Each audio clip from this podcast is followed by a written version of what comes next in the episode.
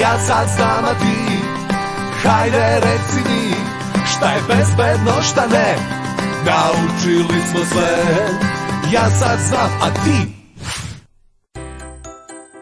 Ovo je vreme modernih tehnologija i svakodnevno se na društvene mreže kače hiljade novih objava.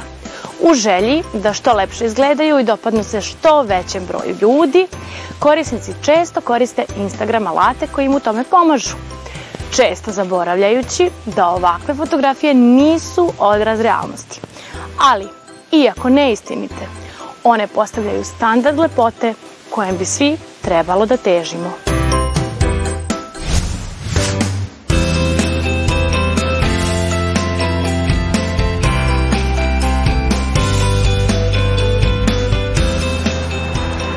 E, čao. Otkud vi ovde? E, ma, čekamo neku drugaricu, upoznali smo se online, pa sad čekamo da dođe. Kad se ti upoznaš online? A dopisivali smo se dugo, pa smo rešili da se vidimo i uživo. Hoćeš li je prepoznati? Ma, hoću gledaj, baš trava izgleda. Ne vidim. Jesi siguran da ste se ovde dogovorili? Ma, ne može doma, ne. Ja vidim samo onu tamo. Može to ona? Nema šanse, na, im, ona ima plavu dugu talasastu kosu, plave oči, ne liče uopšte. Ajde, vidim sliku. Čekaj, Kako si, re, kako si rekao da se zove?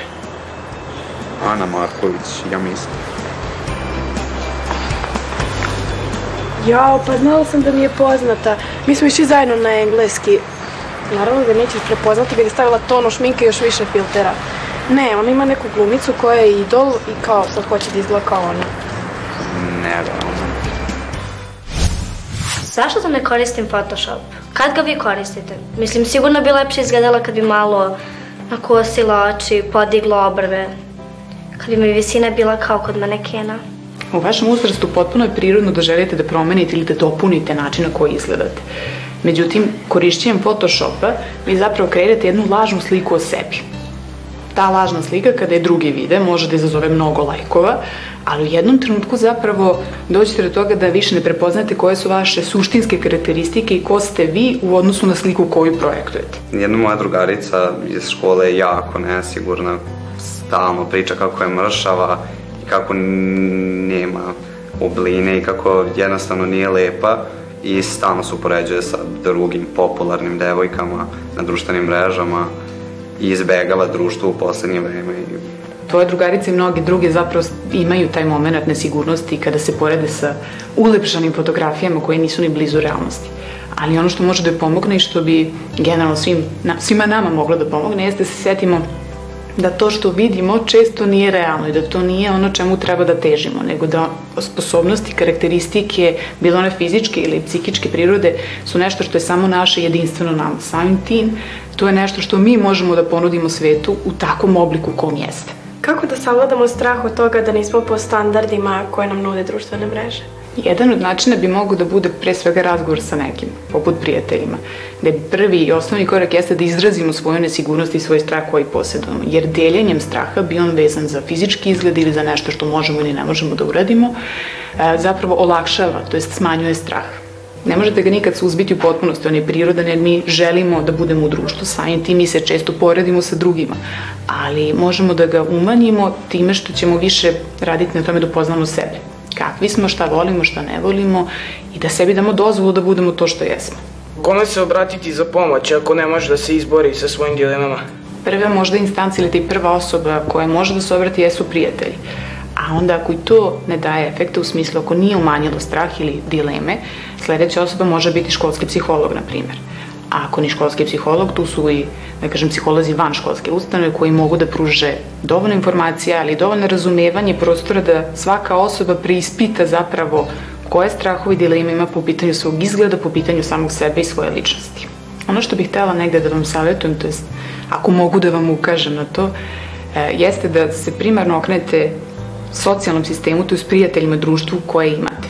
znači u okviru te male zajednice koju formirate, koja je jako bitna za vaš uzrast, da tu probate jedni drugima da budete smjernica, a ne moranje. To jest ne postavljate zahteve koji moraju svi da ispune unutar grupe da bi bili prihvaćeni, nego da prihvatite svakog kakav jeste i da budete tu kada ima neku poteškoću. Svaki problem, svaka dilema koju imate, vi pogotovo u ovom uzrastu, nije sramotna. To je prirodno ljudsko e, stanje da se pitamo, da sumnjamo, da tražimo odgovore i da način do odgovora može da bude i kroz razgovor, ali da može i kroz, na primjer, na primjer pisanje dnevnika vašem uzrastu, ne znam sad koliko vaša generacija to praktikuje, ali pisanje dnevnika je jedna od zaista dobrih tehnika jer vi kroz pisanje već izražavate dosta svojih osjećanja i kad ih stavite na papir, one nisu više samo u vama, ne bujaju u vama, nego zapravo imaju svoju poziciju, svoj prostor, dok ne budete spremni da to kažete naglas prijatelju, roditeljima ili psihologu.